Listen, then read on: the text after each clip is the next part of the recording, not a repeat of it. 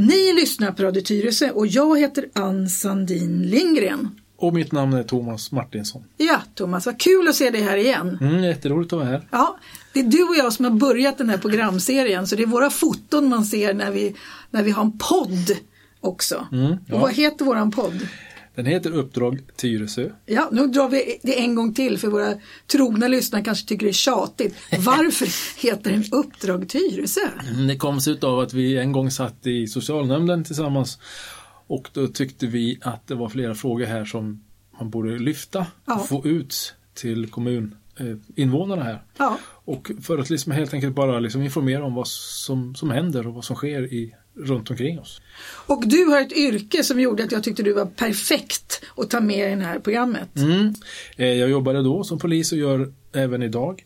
Eh, vid tillfället så var jag polis här i Tyresö och eh, eftersom jag då också jobbade i, satt i socialnämnden så var det ganska många frågor som vi gick ihop så att säga. Ja. Dels med mitt jobb och med det som vi hade att hantera i socialnämnden. Det var för länge sedan när det fanns en polisstation i Tyresö, i Bollmora. Ja, svunna, svunnen tid. Det var Det- innan den stora polisorganisationen. Ja, gud, Ja. herregud. Ja. Nej. Eh, Det var inte alltid bättre för Nej. brukar jag säga. Eh, Men det så kan jag tycka det var roligare för. Ja. Det fanns mer utrymme för fler original. Men många gånger så tycker jag faktiskt att man, eh, vi hade, vi hade grunden till en bra organisation fanns Ja. redan då. Mm. Men man utarmade det, alltså det var ju ont om folk även då, så tog man ju folk ifrån närpolisorganisationen och sådana här specialrotlar som det hette då, som hade kollegor och poliser som jobbade med det, man hade, hade intresse för. Ja. Det slog man sönder och sen så Och då var det 20 poliser nästan på den här polisstationen i Tyresö, Bollmora. Ja, och, och jag tror de var uppe runt en 30-35 när de Ja. var som störst. Precis. Eh, Och ni kände liksom buset, du bodde då i Tyresö? Jag bodde i Tyresö och man hade liksom koll på, på buset på ett helt annat sätt. Ja. Man hade tentaklerna ute, så det fanns. Sen säger att man inte var tillräckligt nära Hävdar man att man inte var tillräckligt nära medborgarna, men det där... Nej, det, ja, nej, det, det, det, där är, det där är en fabrikation. Ja. För hade man bara skjutit till och givit liksom resurser och gett den organisationen möjlighet att kunna eh, göra ett bra jobb. Ja. Så, och, du hade, så var man absolut nära. ja. och, medborgarna du, då. och du hade två kollegor som hette Claes Örsing och Claes Stjernström. Mm. Och de kände ju det lokala buset. Så det. när det hände saker här i Bollmora så var ju de på plats och visste nästan vem det var som hade gjort det. Ja, man behövde inte alltid som ta dem med fingrarna i syltburken utan Nej. man, man, så, så, vi, Snacka runt. ja, man går hem till dem eller för- föräldrarna vad det var så ringde man på och sen så hade man dem i alla fall. Ja. Och så var det för, för alla närpolisstationer som, Ja, hade, som hade ja, runt om. Inte bara i Stockholm men runt om i landet. Ja. Som hade engagerade både äldre och yngre kollegor som ville jobba på det sättet. Ja. De hade full koll. Och det som är tråkigt nu, jag har ju någon gång ringt 112, det har jag berättat i ett annat program, Mm. Eh, för att det hände en sak bland, hos en granne. Mm. Och då kommer en polis, poliser, de har ju aldrig varit i Tyresö, de hittar ju inte ens adressen i början. Eh, och de kommer ju och vet ingenting om läget. Och vi ringde i flera kvällar och det kom alltid nya poliser som inte hade en aning om läget för det var en familj som hade det lite jobbigt. Och det är också jättekonstigt för att förut var det poliser som kände om det var någonting som hände. Jo, men så är det, så är det ju definitivt. Och, alltså den här, man får inte glömma bort att man har liksom ett ekonomiskt perspektiv på det här också. Eh, där man ska försöka renodla och eh, centralisera väldigt mycket ja, och få ut så mycket av Ja, man resonerar väl att man ska få ut så mycket pang för pengarna som möjligt. Ja, och det kanske var bra att man ordnade så att man hade kanske lite bättre resurser för, på den här, vad kallar ni utryckningsenheten, vad kallar ni de som åker radiobil? Ja, kallar den utryckningsenhet, Ja. ingripande verksamhet, IGV förkortat idag. Men, Så man kan skicka dem precis var som helst i hela södra Stockholm till exempel. Ja, precis. Man har indelat det region, eh, eller regionsamma nord, Ja. city och syd. Ja. Och så styr man dem utifrån det. Men du har ju, då, då har du ju då har du en struktur så du kan skicka poliser till respektive Där det- enhet, där det- där det det behövs- brinner. där Men behövs, ja. även där idag eh, går vi ju kort om folk. Ja. Så vi får ju inte ut, vi, vi får liksom, idag får vi prioritera bland alltså, ja, prioritera bland prio 1-jobb som, som det kallas. Flera sådana grova brott som man inte kan skicka bilar på i mm. första läget. Alltså ert polisfack då som jag följer i Region Stockholm säger att ni har nu 80 procent av personalstyrkan men 100 procent av arbetsuppgifterna i Stockholm 2019. Mm. Det, det, talar sitt, det talar till sitt eget språk. Ja, ni är underbemannade. Men nu ska vi, Thomas, mm. du har övergett Tyresö. Ja, du bor inte här bor, längre. jag bor inte här längre om det, om det är det du menar med ögat ja, så ja, det ja, stämmer. Du är inte längre, jobbar inte som polis i, i syd. Nej, inte det. Jag finns i city. Du finns i city. Mm. Du finns i det stora polishuset på Kungsholmen. Det stämmer. Och vad gör du där?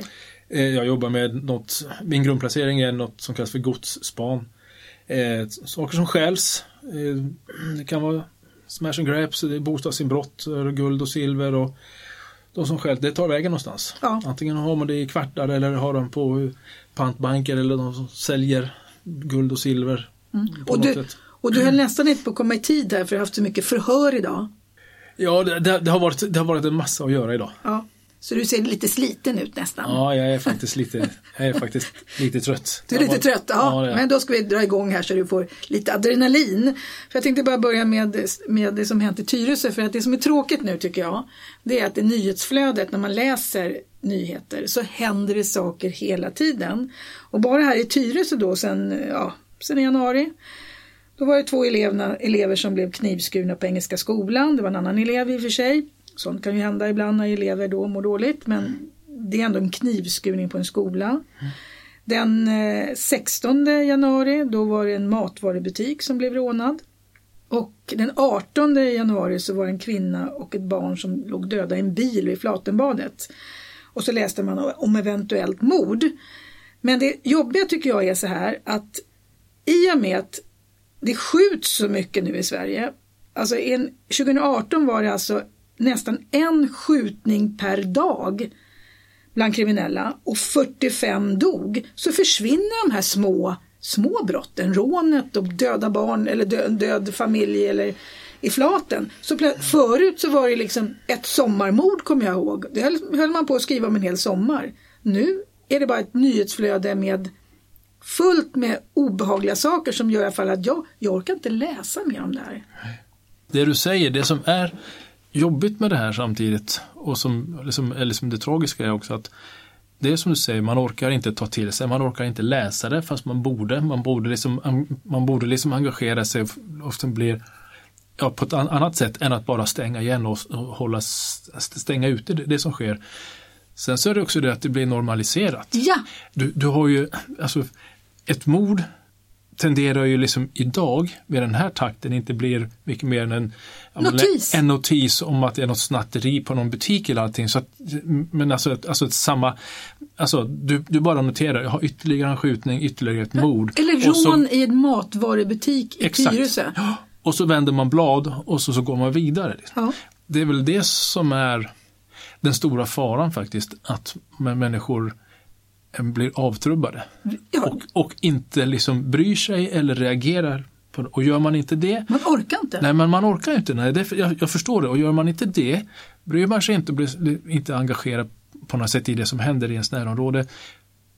Då kan man heller inte alltid vara ett, en, en, så bra hjälp till polisen som, som polisen behöver när det är i form av iakttagelser eller i form av vad man har hört någonting. För man, du orkar inte engagera dig. Nej. Så i, i förlängningen så är det där en riktigt en, en väldigt allvarlig sak även för polisens möjligheter att kunna ta hjälp av allmänheten. Ja, och det som händer är också så här, man är bara glad att man inte var på den där matvarubutiken. Man är bara glad att man inte är ett område där det skjuts. Jag är en trygghetsknarkande tant. Jag vill inte vara på ställen där det är otryggt. Och nu blir det läskigt när det är för mycket sådana nyheter. Det, det skjuts inte i Bollmora, Tyresö, men det skjuts i närheten av någon annan Stockholmsförort. Och vi bor i och för sig inte i Malmö där det händer väldigt mycket saker, men man blir väldigt, jag blir väldigt stressad av det här. Ja, och det är helt naturligt att man blir det. Sen ska man komma ihåg alltså kanske nu när vi pratar om de här tre händelserna i i, vi pratar Tyresö här nu, mm. så har de skett med ganska kort, med ganska kort intervaller emellan. Och då kan det då ganska plötsligt, då låter det då som att det plötsligt händer en väldig massa. Så om man sätter det i perspektiv lite grann så sett över tid så är det så, så är det så oftast att vi, vi inte befinner oss i en sån fara Nej. eller känner oss i den faran som man kan, som man kan uppleva när man Nej. läser väldigt mycket och grova saker på kort tid. Ja. Så det gäller att man får balansera det hela. Man får lite is i magen. Ja, men alltså man ska balansera det hela. Men faktum är att, att eh, brottsligheten och de, den grova brottsligheten kryper närmare. Liksom. Så att ja, men det är den det, känslan. Det är, in, ja, det är ingen rök utan eld. Ja. Men någonstans så måste liksom man som individ och som enskild person liksom, eh, balansera det. Är inte så att man... Jag, jag orkar faktiskt inte läsa. Jag, jag klickar inte längre på de här sakerna för jag vill inte veta. Okej, sker någonting i Flatenbadet läser jag det. Mm, men mm. jag orkar inte läsa om alla skjutningar. Och när det står till exempel att det är två gäng som har knivskurit varandra eller någonting sånt. Två gäng har drabbat samman mm. i någon liten ort. Då orkar jag inte läsa om det heller. Då, och det, det, är inte så att jag tänker så här att det är säkert husmorsföreningen som har drabbat ihop med PROs, alltså det är två... Då, då hade man läst Då hade man läst det. Då hade man läst det. Nu är det liksom, man fattar att det är några gäng som, som, men man vill inte veta ens vilka gäng det är. Så det är också liksom läskigt därför att man, man förstår inte vad det är som händer. Nej men så, så är det. Sen så har man tendens till att skriva liksom, visst de brakar ihop, gäng som brakar ihop och det är slagsmål på torget. Ja. Eh, det var slagsmål på torget och gäng som brakade ihop på 60 och 70-talen också. Och ja, 80-talet också. Liksom det det. Här i Tyresö eh, ja, slogs man mellan Bollmora och Trollbäcken. Och raggarna rök ihop så stickor och de rök. Men då förstod jag det.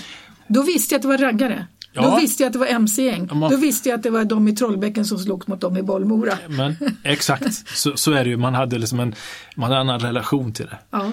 Eh, så, men återigen, det gäller att hitta en liksom balans i det. Men ja. det börjar bli så mycket helt klart så att man liksom sk scrollar förbi. Man, man, förbi. Man, man, vänder bara blad, orkar inte ta, ta in ja. det. Och nu tänkte jag också bara tala om en, en annan nyhet som jag läste som hör, kanske hör, hör ihop med det här. Att Eh, det stod att om man ringer 114 14 så har kötiden till polisen fördubblats. Det är alltså en halvtimme i snitt.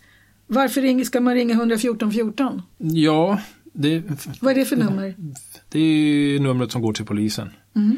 Det generella numret. Till växeln på polisen? Till växeln, precis. Det är polisens växel och det kan vara, jag menar, där kan du ha eh, alla möjliga, du har frågor kring eh, Pass? Du kanske ja, pass, du har frågor kring om du, hur du ska göra om du har tappat, förlorat din du kanske ska anmäla en, en du har tappat en plånbok eller handväska eller på något sätt så. Det, det finns ganska många anledningar till att kanske ring, ringa dit. Men det som, det, som man, det, det som är idag, det är det att när det gäller brott, alltså pågående brott, mm så är det sagt, och jag har inte hört något annat sedan dess, att man, man, man ringer 112. 112? 112, alltså mm. man ringer alltså inte 114 för att eh, rapportera, jag ser ett pågående bilinbrott eller mm. på något så. Det behöver inte vara akut på något sätt utan du ringer in och rapporterar om vad det är du ser, ett pågående brott. Det ringer man 112? 112, ja. för då för då vill man liksom att, då vill man att operatören eller polisen avgör om det här är, något, om det här är av vikt eller inte. Ja. Och skickar någonting på oss. Om man inte överlåter det till allmänheten att göra den bedömningen för då finns risken att man inte tycker att det här är tillräckligt allvarligt. Nej. Men hade det kommit fram till polisen då hade man gjort en bedömning att det här måste vi åka på för de, polisen kanske sitter med mer information på ja. någonting. Men däremot om man har frågor om hur man, vad, vad närmaste passställe är eller Ja, boguttryck om man ska ja. komma till trafiken, någonting, ska ja. ha någonting, trafikfrågor, någonting, så ja. rent generella frågor. Då kan då, man ringa 114 14. Mm, bra, har vi rätt ut det. En annan grej är ju att vi, sen du och jag pratade sist, då hade vi ingen regering när du och jag pratade sist. Nej. Och du är faktiskt väldigt intresserad av politik. Nu blev det en regering mm. och vi har fått en ny inrikesminister som heter Mikael Damberg. Ja. Har du hört någonting om honom? Eh, ja, jo då, jag vet vem man är. Och har, var väl, eh, Damberg var förra näringslivsminister. Ja, det var det. Så. Han har varit skol, skolfrågor hade han när han var opposition. Ja. Mm. Men jag vet inte hur insatt han är i, i, i sin roll som inrikesminister och de Nej. frågorna. För, för mig så är det, är det ganska ganska stort hopp mellan vara näringslivsminister och ja. komma till inrikesminister. Jag tror att det är väldigt eh, anonymt att vara näringslivsminister.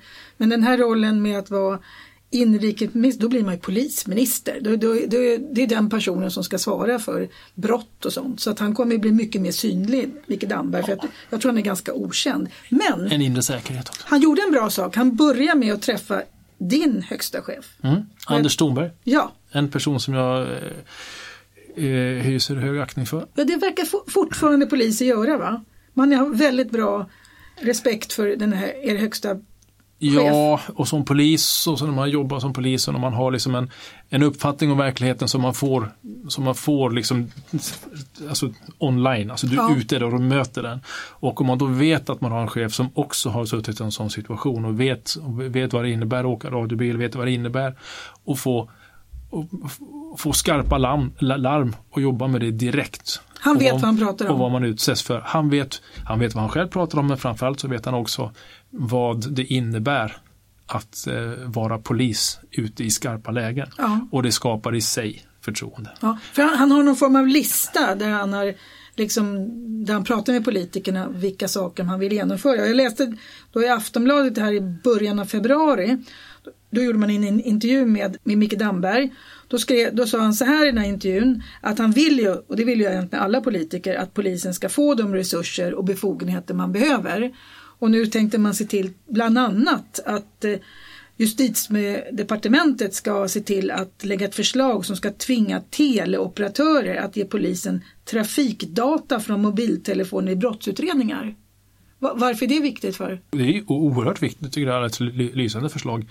För idag så är det någon slags rättskedjan och bevisningen man ska hålla i rättegång och sånt där, de ska hållas. Det bygger väldigt mycket på teknisk bevisning och det är det, du har ja, teknisk bevisning i form av fingeravtryck, skoavtryck och te övrig teknisk bevisning på plats. Men också avlyssning. Du har teknik, du har du, du avlyssnar och du har eh, teknik och du spårar du samtal och så vidare. Du kan via, via mobiltelefon se vad folk är? Absolut, ja. hur de har rört sig. Ja. Man går igenom på liksom hur vilka telefonnummer som har ringts upp och var ja. och på vilka tider och så vidare. Och då är, man, då, då är det absolut av största vikt att man har tillgång till de uppgifterna. Men dem. vad jag fattar det som så har inte de här teleoperatörerna haft skyldighet att ge ut dem där, utan polisen har fått betala för de här sakerna. Ja, det är ju, alltså på ren svenska är det rent åt, rent åt helvete. Och det tar ett stort, som jag ser. Stor del av er budget. Ja, men, och det är det du gör va, så, så får man till slut får man då nej men vi kan inte gå, vi kan inte driva det här längre för att vi har liksom inte, ska vi gå och betala de här, de här summorna då, då får vi göra avkall på en massa andra saker. Så det är en viktig grej där? Det är en jätteviktig sak. Ja. För, för, för alla som lever i ett rättssamhälle så, så, ska man, så ska Polismyndigheten, eh, åklagare och domstolsväsende ha möjligheter att i utredningssyfte, i synnerhet om brotten är liksom av allvarlig karaktär, ja. även för, för, för ja, eh, alltså, eh, rikets säkerhet, mm. så ska det, det, det, ska inte vara något snack. Nej, de, de ska, ha rätt befogenheter. De ska ha, precis, men man ska ha på fötterna när man begär att Polismyndigheten kan inte bara, ska inte bara kunna begära ut utan man måste kunna alltså påvisa skälet till det och man ska kunna liksom, genom, genom olika sätt visa att ja, men det här är viktigt, det här behöver vi. Mm. Och kan man det så det är inget snack. Nej. Ut med det och ut med det fort. Ja, det. Här går det inte vänta någonting. Så för mig är det ganska horribelt att de i, i sig själva kan säga att nej, det, det, det, det tänker vi inte göra med tanke på, mm. på våra kunder hit och dit. Mm. Men jag har svårt att se att de här kunderna skulle liksom neka någonting om det är att man ska försöka lösa grova brott eller ja. om rikets säkerhet, att de säger nej. Ja, jättekonstigt. En annan sak som man tydligen också föreslår det är att Skatteverket ska göra mer för att stoppa möjlighet att använda sig av olika identiteter?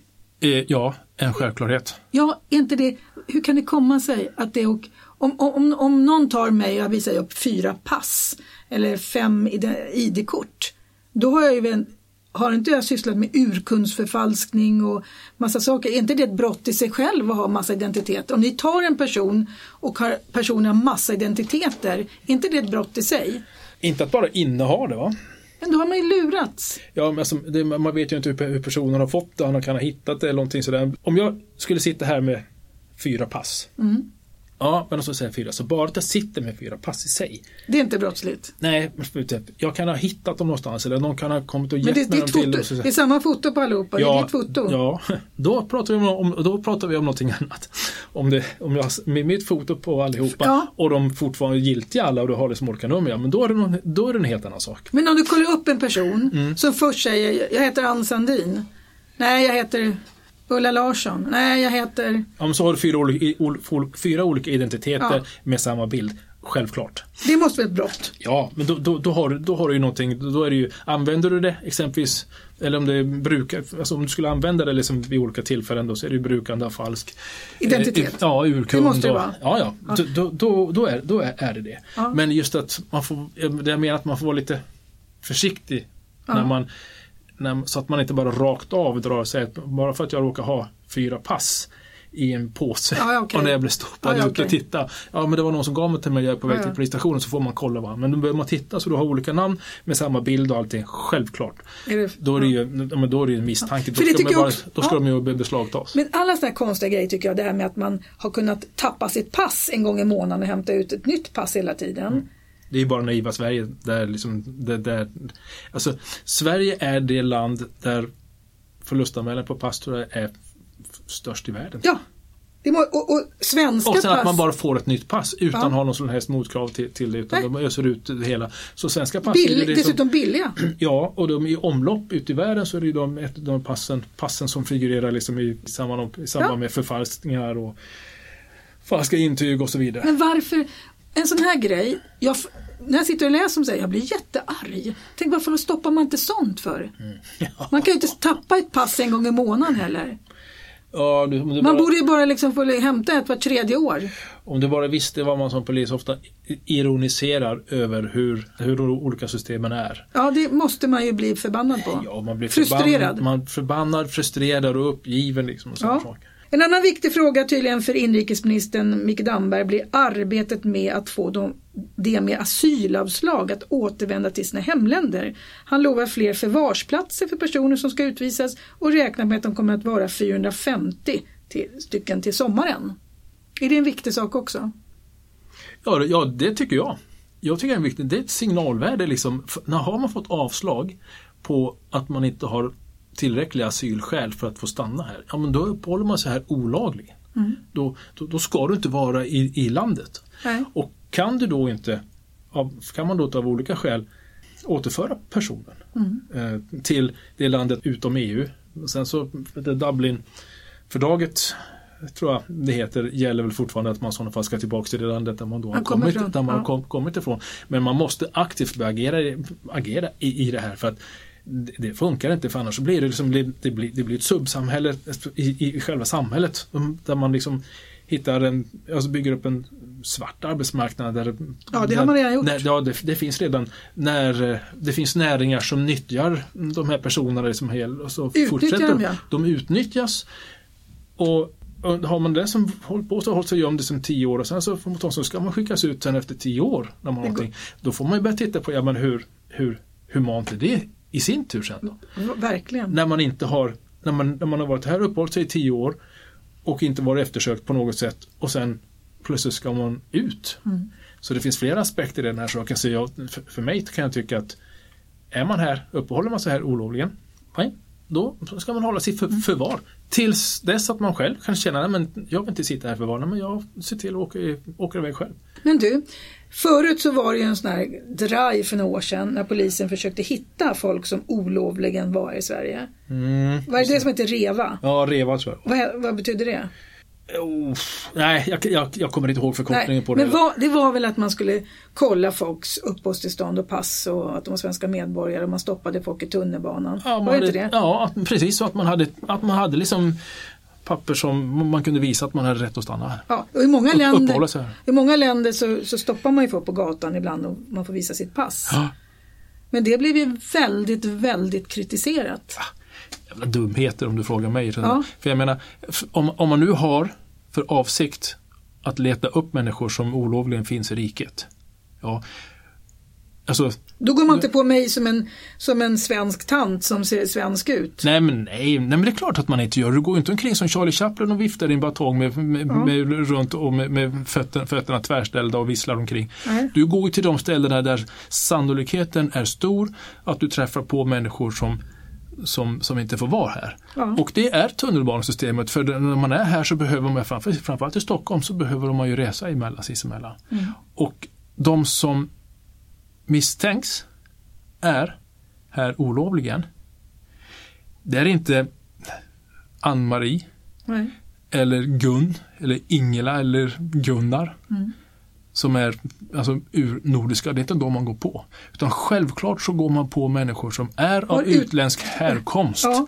Därför att du kan inte, däribland kan jag som själv har utländsk härkomst eller mina kollegor som är, är alltså, födda här, de har ingen aning om vilka eller vem utav de som ser utländska ut som har rätt att vara här eller inte. Nej. Så det, det ligger i sakens natur att man går på människor som, som, som har utländsk härkomst. Och det blev ju så att då var ju polisen väldigt rasistisk och den diskussionen har precis kommit igång igen.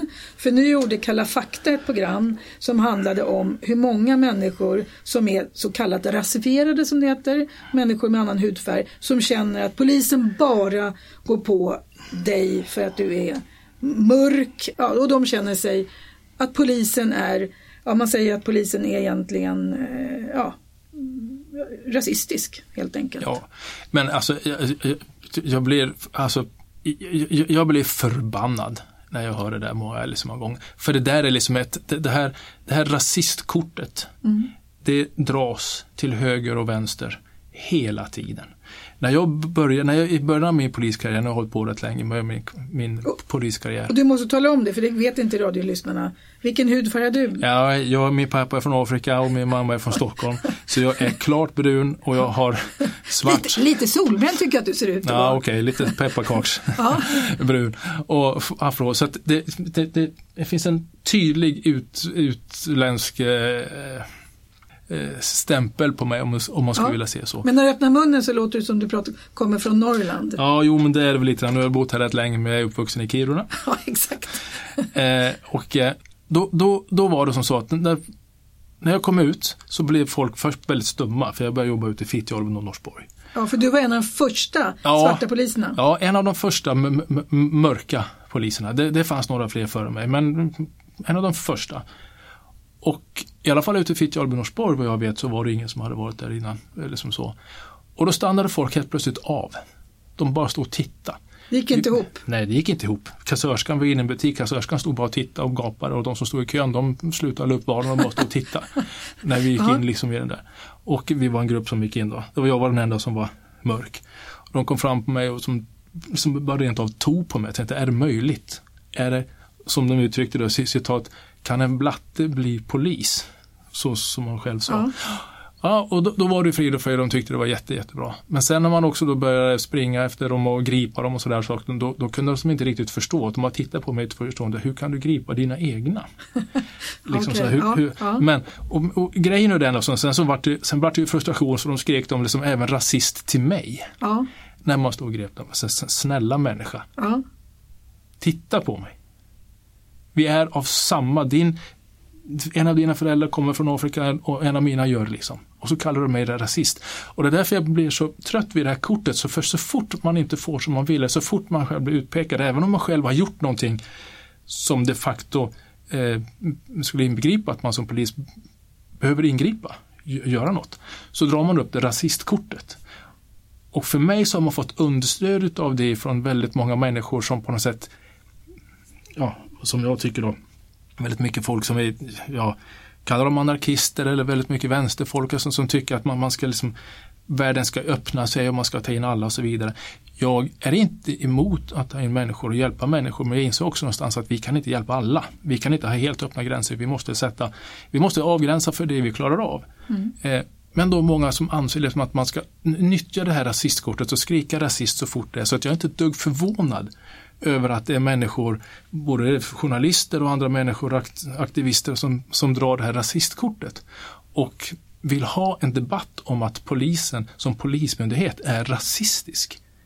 det, det, det, är en väldig generalisering. Men ja, det, kan, ju, men det, kan ju finnas vissa poliser. Absolut, men nu pratar jag om ja. Polismyndigheten. Nej, att precis. den skulle genomsyras av att vara rasistisk.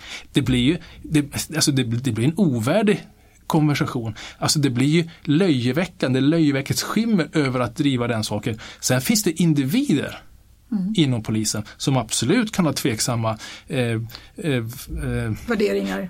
värderingar sånt där. Men det finns det överallt. Det finns det, det, finns det precis överallt. Det är, inte, det är inte unikt för polisen. Det finns det, den strukturella rasismen som ändå är ett begrepp och som finns. Mm. Den finns precis överallt. Men som polismyndighet, att polisen ska vara det, det, det blir som inte, det blir ovärdigt att gå in i en sån diskussion, det, det är oprofessionellt. Mm. Jag läser ganska mycket nu i sociala medier och jag läste framförallt, går jag in på den sida där en av dina kollegor skriver som också suttit i den här studion. Vilken sida pratar jag om? Ja, eh, blåljus.nu. Ja, för det är Tommy Hansson som bor i Trollbäcken mm. som lägger ut saker. Han brukar lägga ut länkar till olika intressanta artiklar. En alldeles föredömlig kollega skulle jag säga ja, också. och han är väldigt kunnig. Mycket. Och, ja, och där la han ut lite saker också så jag läste på om det här lite grann. Då var det någon av dina kollegor som heter Martin Marmgren som är polis. Han skrev så här. Jag tror att svensk polis är bland de mest professionella och minst rasistiska poliskårerna i världen, säger mm. han. Ja, tror du att det stämmer? Ja, det tror jag. Jag tror han är helt, helt, helt rätt där. Ja. Vi jobbar, alltså Polismyndigheten, vi, man jobbar väldigt mycket med de här värderingsfrågor och grundfrågorna kring, kring det hela. Som jag tror, nu, nu, nu ska jag inte säga för att jag kan inte säga någonting om hela världen, men Nej. jag tror att vi ligger i framkant när det gäller att jobba med just värderingar, mänskliga värderingar och, och, och hur vi eh, ska förhålla oss till, till olika nationaliteter och så vidare. Att vi, vi objektiva, det finns något som heter objektivitetsprincipen -huh. som genomsyrar bland flera principer men som genomsyrar polisens arbete väldigt mycket. Mm. Och det är en sån princip. Man pratar här med profilering. Det var en annan polis som säger, han är regionpolischef i Stockholm, heter Ulf Johansson. Mm, han är högsta chefen i, i Region Stockholm. Ja. Han sa så här att tid, plats, umgänge, avvikande beteende och sammanhang använder polisen vid profilering, inte hudfärg. Mm. Vad menar han med det? Precis det, det, det, han säger. Det är inte hudfärgen som, som är avgörande utan det är precis det han, det han liksom rabblar upp där som är avgörande för hur polisen agerar. Kommer man till ett område där det händer massa saker och det står massa ungdomar eller någonting och hänger precis där och man vet att det pågår grejer eller gå på de som är där oavsett. Ja, man... Jag står inte där på natten nej, klockan det, två. nej, låt mig ta ett exempel. På Sergels torg så är det väldigt mycket utländska afghaner, det är araber och det är väldigt mycket folk med utländsk härkomst som står och hänger på vid Sergels torg. Gamla plattan. Gamla plattan. Och Drogförsäljning. Mycket drogförsäljning och, och, så vidare. Det är väldigt mycket av de här som är ensamkommande bubblan som är involverade i det. Inte alla, Nej. inte alla men det är väldigt många. Som, som, och det kan som, vi allihopa se när vi går förbi där? Ja, det ser ja. vem som helst. Liksom. Mm. Det är, till och med om du är halvblind så kan du inte undgå att se det hela. Nej. Nej. Om polisen då ska vara där och jobba, ska polisen då inte ingripa mot människor som är av utländsk härkomst därför att man anses då vara rasist om det då inte finns några andra, nästan inga andra. Mm. Ändå ska man då stå med händerna i fickan och bara stå och titta för att man inte ska då bli kallad för rasist. Mm. Därför, att, därför, att, det inte finns så väldigt många andra etniska svenskar som, som finns där. Det finns många, ibland finns det också etniska svenskar som ja, det, dealar. Det, det, och det, finns, finns det även utanförskapsområden också. Jag generaliserar ja, naturligtvis ja, precis, bara för att liksom lyfta fram mm. eh, exemplet. Men då ska vi plötsligt inte göra någonting för att då, eh, vissa aktörer liksom har att vinna för sina egna åsikter att, att polisen ska vara rasistisk och på det sättet få polisen inaktiv. Det blir löjeväckande. Mm. Det är klart som fan att vi ska gå in och agera även om, om personen är svart, gul, vit eller blå. Mm. Han eller hon får se ut hur fan hon vill. Mm. Men är de på tid, plats och liksom i de, de här sakerna som Ulf Johansson räknar upp då får man räkna med att bli, att bli kontrollerad. Ja. Ja, och så som, som det är nu, vi har en problematik med, mång, med många ensamkommande, många, med, många, med, med utländsk härkomst. Mm. Då är det per automatik att det är de man kontrollerar. Ja. Det innebär inte att det är alla som är brottslingar. brottslingar. Men tro fan att vi kontrollerar dem. Mm. Och jag känner lite grann så här, jag har ju en gång jobbat som lärare här i Tyresö, fem år på både Kumla skola och Nyboda skola och då var det när man var lärare så var det alltid en eller två elever i klassen som var de som hittade på mest bus. Mm. Och då pratade vi bara bus. Och när man kom in i klassrummet och det hade hänt någonting då visste man ju att det var Olle och Pelle som ofta höll på. Så då gick man ju på dem och de reagerade alltid så här. Du går bara på mig! Du bara skyller på mig! Allting är mitt fel! Mm. Och deras föräldrar var ju också arga för att man gick på dem. Men det var ju de som hade gjort mest. Sen gjorde man ibland det av misstag för man det var ju lite fördomar också så fort det hände. Det kunde ju vara Stina som var dum mot Olle och Pelle. Men, men man visste ju, som lärare visste man vilka i klassen som hittade på mest bus och det var ofta de man gick på och sa till och de blev ju alltid jättearga mm, och kände sig oskyldiga. Ja, för det var tionde gång så kanske man gick på dem utan anledning. Mm. Och det var jättesvårt för att när man ska gå på någon och säga det var du som började. Nej, det var den som började. Alltså det var ju ja. väldigt mycket tjafs och det, har, det vet man ju också när man har barn, att mm. det kanske är ett barn som startar allting. Visst, oftast är det stora syskonet som får det där liksom ja. i, i, i, hastigheten ja. för man liksom missar att det är det mindre syskonet som har pikat och retat ja. upp. Va? Ja. Men det, och det här är ju väldigt svårt. Man går ju på det som man vet är uppenbart. Psykologiska effekter. Ja. Liksom det, det, det, är liksom så vi funkar. Det är liksom ingenting som vi väljer utan det är psykologiska liksom, incitament i oss, i ryggmärgsbeteende som först Därför att man nio gånger av tio så är det den vederbörande personen som ställer till det. Ja. Den tionde gången är det inte det. Nej. Men och, då blir det effekten att man Och det är väl också någonting polis kan. Man känner av en stämning för det är också sånt där.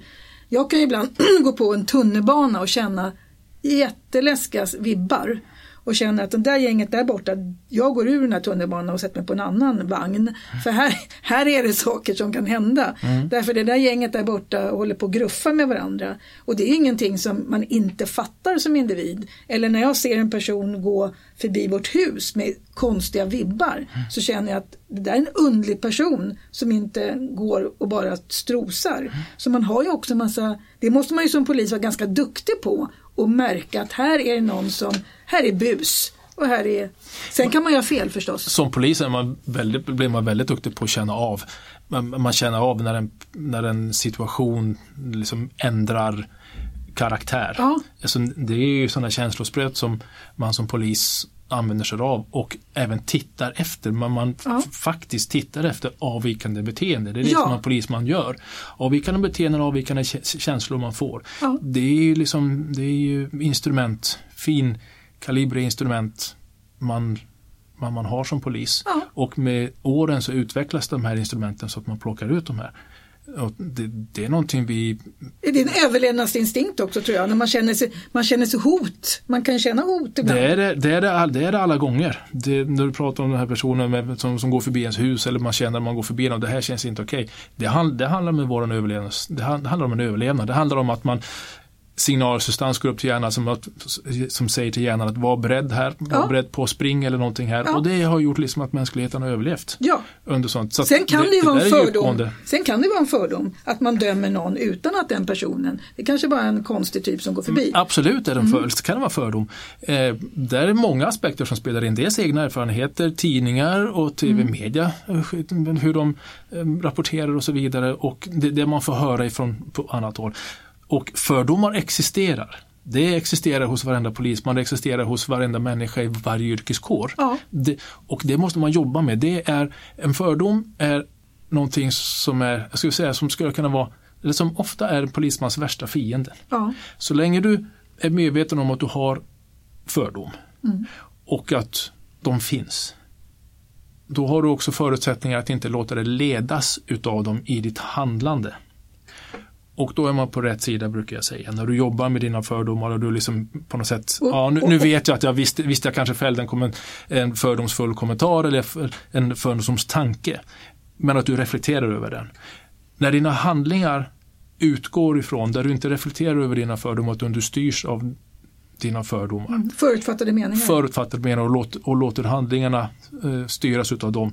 Då är du definitivt på fel sida. Ja. Och där, om inte förr så ska man ha gjort en gräns på att man kanske inte ska vara ute och jobba eller på något sätt så. Mm. Men i det, när vi pratar om i det här fallet när en massa, vad ska jag kalla dem, liksom, de, de, okunniga människor som mm. börjar skrika om rasism. Och då pratar jag inte om individerna som, som, som drabbade utan även lobb, lobbyister. Jag mm. menar att de lobbyister är det säkert. Men de som har att, anarkister, de som har ett syfte liksom att få till liksom att polisen inte ska liksom, eh, utföra sitt utföra arbete. Sitt arbete liksom. Alltså de, de är bara, det, det, blir bara patetiskt och mm. det tycker jag definitivt inte myndigheten ska ge vika utan man ska stå upp och Thomas, stå för det och fortsätta jobba på det och ge fan i vad de säger. Ja. Du som ändå är mörk och har en pappa från Afrika, har inte du blivit utsatt för rasism? Eh, jo, det, det, har jag, det har jag nog blivit och det har jag nog blivit utan att jag kanske liksom har tänkt på det just där och då utan det är liksom först i efterhand. Jag menar som när jag växte upp i Kiruna, eh, alltså det var bara jag och min bror som var, ja, som var det lite någon kille tror jag som var adopterad som var svart. Som var eh, som var ut, som såg utländska ut. Vi var inte utländska för vi var ändå födda och mm. uppvuxna i Sverige. Så, som såg. så att vi hade nog förmånen att leva i en tid där, vi, liksom, där det bara var exotiskt. Ah, det var spännande. Det var spännande liksom ja. och sådär så att det var eh, Och du var duktig på idrott? jag var duktig på idrott och liksom på något sätt om man kom in i det där. Det var som en lumparkompis sa mig till. Jag gick på, gjorde på militärtjänsten på uh, jägarskolan på anrika I22 i, i Kiruna då som fjälljägare där. Och så var det en som sa till mig, vi var i tältet där. Fan Martinsson, jag har aldrig tänkt på det. Men du är ju precis som oss. Du är ju världens brunaste lapp. säger han. Liksom så, till vidare, som är en, och det får man inte ta som en liten komplimang. Det var första gången jag reflekterade över, och han var Kirunabo själv. Och, och liksom så här som reflekterade över att jag, första gången som jag reflekterade över att jag var brun. Ja. Eller såg annorlunda ut. Mm. Eh, som en liten passus här. Men det, det som är viktigt för mig att säga när vi pratat om, jag tycker att, att jag, man blir förbannad på de här som har det här rasistkortet hela tiden. Jag pratar i generella termer. Mm. Eh, det var en kvinna här, svart kvinna som blev nedbrottad. Eh, Av ordningsvakter? ordningsvakter. Jag har, ja, jag har bara läst rubrik och ingress och, in, in, inget mer kring det hela. Men där är det viktigt att säga att det är inte, alltså hon har, hon kan mycket väl ha blivit utsatt för man säger ett övergrepp, men på en, ett, en, en behandling som man inte ska bli behandlad på ja. och blivit profilerad eller uttagen på något sätt som man inte ska göra det. Nej. Så det är absolut inte på henne eller någon annan som har blivit det utan jag pratar i generella termer så fort man drar upp, blir, blir gripen eller tagen eller utpekad mm. så ska man, ska, ska man ropa vargen kommer lite grann med det här rasistkortet. Ja, det. Så, det är det jag menar. Så att det gäller att skilja på liksom för mig när jag uttalar mig på det här sättet så gäller det att skilja på de här individuella händelserna. Mm. Så det kan mycket väl men, vara. Men på din arbetsplats, känner du att du blir annorlunda behandlad? Nej, det gör jag verkligen inte. Nej. Dina barn till exempel, som en annan generation, du har tre barn. Ja.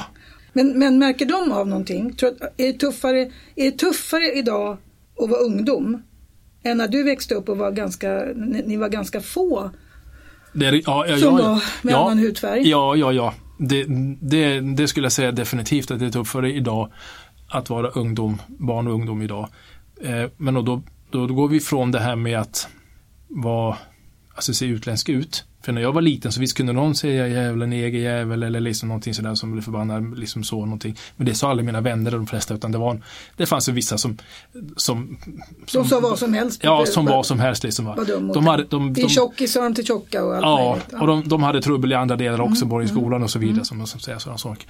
Men det var väldigt få gånger. Däremot ungdomar av idag, de har så många fler saker att de ska ta hänsyn till. Det ska vara hur du är klädd, hur du, eh, hur du uppträder, vad du har för frisyr och vad du har för massa. Mm. Sånt existerar ju inte, liksom, nästan inte i alla fall. När, när en annan var ung och än mindre Kiruna. Liksom. Mm. Det var ett mode, plötsligt skulle man ha boots. Då hade alla boots. hade alla boots. Ja, det var, det var inga flera alternativ. Du hade olika du, dunjackor. Så var det, ett, ja, så var det mm. något med Moncler gällde liksom ett tag. Ja, då skulle alla ha Moncler. Ja, precis. Och så var det inte, det, så det var, ing, det var inget svårt. Det var inget svårt. Det var, det var inte ett dugg svårt. Det ett, var ett, ett mode. men, men, men tror du dina barn, känner de så här, min farfar kommer från Afrika, är det någonting positivt? Är det någonting som det är jobbigt? Säger de det? Eller liksom Nej, de är otroligt stolta över det. Och de, de, är, de är otroligt stolta och de verkligen pratar om det med sina vänner och kompisar. Min pappa är från, min riktiga pappa är från, eh, då från eh, Gabon i mm. Afrika och sådär. det, det, det, har de alla tre verkligen. Att deras, vänner, deras farfar? Eh, förlåt, deras eh, farfar. Mm kommer från Afrika sådär. Och det, det, nej, Det är en har de stolthet. inte, ja, det är en stolthet. Det har de aldrig eh, mörkat. Nej. Inte vid något tillfälle. Och det har jag varit med själv när man har varit i skolan och hämtat och pratat Mm. om det sådär. Så att, nej, verkligen. Det har varit verkligen roligt. Ja, det. Men och det, häng, det, hänger, det hänger mycket med hur jag har liksom uppfostrat dem och, Mm. och de här att vara stolt och stå, stå, för, stå för din historia, stå för det du har. Det är Mm. liksom ingenting du har valt eller någonting utan var stolt över det. Du, man har fått liksom man, man får bra saker från flera olika de- delar. Liksom. Mm. Lyft det och var stolt över det. Liksom. Det tycker jag var ett bra avslut på det här programmet, hör du. Att man ska vara stolt över det man är. Absolut. Ja, jag tycker vi, det, det får vara liksom slutorden i den här intervjun. För vi måste ju ha fler program, eller hur? Absolut, och med slutet vill jag också Ja. säga att jag tycker Polismyndigheten ska vara stolta över det sättet de jobbar. Och är det, så att Ja. man jobbar, är det så att man jobbar profilerat på det sättet som man får kritik för nu, rise up. Ja. Var stolt över det sättet man jobbar för att man jobbar för att man ska få ett resultat. Ja. Och man jobbar för liksom de för övriga liksom också kring det hela. Så fan, bra, Och- och lite bra grann- jobbat! Lite grann är väl också så, Thomas har pratat om dem i tidigare program, polisen har mycket bättre ställning idag än vad man hade förut. Jag tycker folk är mer positiva till polisen idag. För ja, människor är positiva till polisen idag och mycket har väl fått hjälp av det, alla de här skjutningar och sådana saker. Ja. Men jag har aldrig, i alla fall inte sen, sen jag klev in i verket 92, mm, och då gick jag utbildningen då, så säger man, jag har aldrig riktigt upplevt att vi har haft allmänheten emot oss. Nej, okej. Men media har man haft emot sig. Ja, media har man haft emot sig, men media har man lärt sig att liksom sålla. Okej. Alltså så, som polisman så sållar man, man tar dem inte på riktigt stort allvar alla gånger för man Okej. vet hur vad de gör. I alla fall viss media. Tyresöradion Mm. är i alla fall för polisen i Tyresö.